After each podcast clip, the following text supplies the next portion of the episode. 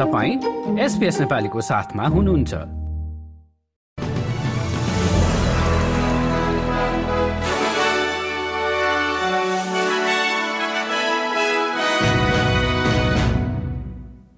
नमस्कार। आज बिहिबार एघार जनवरी सन् दुई हजार चौबिस।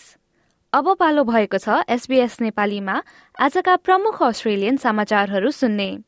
शुरू गरौं न्यू साउथ वेल्समा कोभिड बढ्दै गएको सम्बन्धी प्रसंगबाट न्यू साउथ वेल्सका स्वास्थ्य अधिकारीहरूले उनीहरूको पाक्षिक रिपोर्ट अनुसार कोभिड नाइन्टिनको एक व्यक्तिबाट अर्कोमा सर्ने दर औसतभन्दा बढ़ी भएको जनाएका छन्।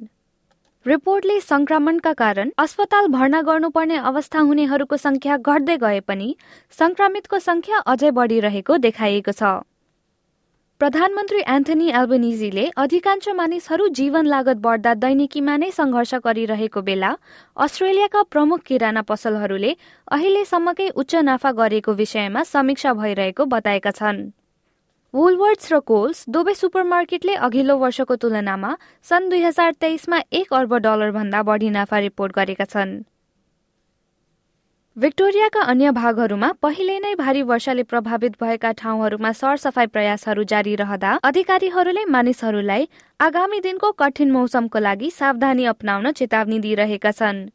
गोलबन रिभरका लागि हेर र अवस्था हेरेर कदम चाल भन्ने वाच एन्ड एक्ट चेतावनी जारी गरिएको छ जस अन्तर्गत सिमोरदेखि सेपर्टनसम्म परेका छन् भने बेन्डेको र बुलक क्रिक्सको लागि पनि समान चेतावनी जारी गरिएको छ। क्विन्सल्याण्डमा भने एक अर्ब बीस करोड़ डलर खर्चिएर निर्माण गरिएको बाँधको मूल्याङ्कन पश्चात यसको पुनर्निर्माण गरिने भएको छ।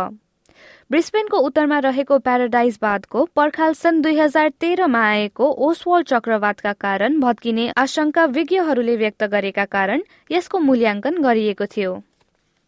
सकरुज सन् दुई हजार तेइस एसिया कप अभियानको उद्घाटन खेलबाट दुई दिन मात्र टाढा रहँदा अस्ट्रेलियन टोलीका म्यानेजर ग्राहम आर्नोल्डले खेलाड़ीहरू भारत विरूद्ध मैदानमा उत्रनु पूर्व निकै सकारात्मक रहेको बताएका छन्। साथै उनले सन् दुई हजार उन्नाइसमा क्वार्टर फाइनल्सबाटै बाहिरिएको समयभन्दा राम्रो खेल प्रदर्शन गर्नेमा आफू आशावादी रहेको पनि बताए। हस्त एसपीएस नेपालीबाट आजका प्रमुख समाचार यति नै। सुरक्षित रहनुहोस् नमस्ते।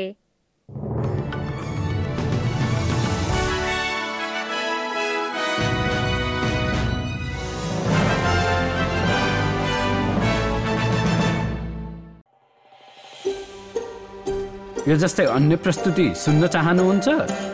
एप्पल पोडकास्ट गुगल पोडकास्ट स्पोटिफाईमा हामीलाई खोज्नुहोस् वा तपाईँले पोडकास्ट सुन्ने अन्य सेवामा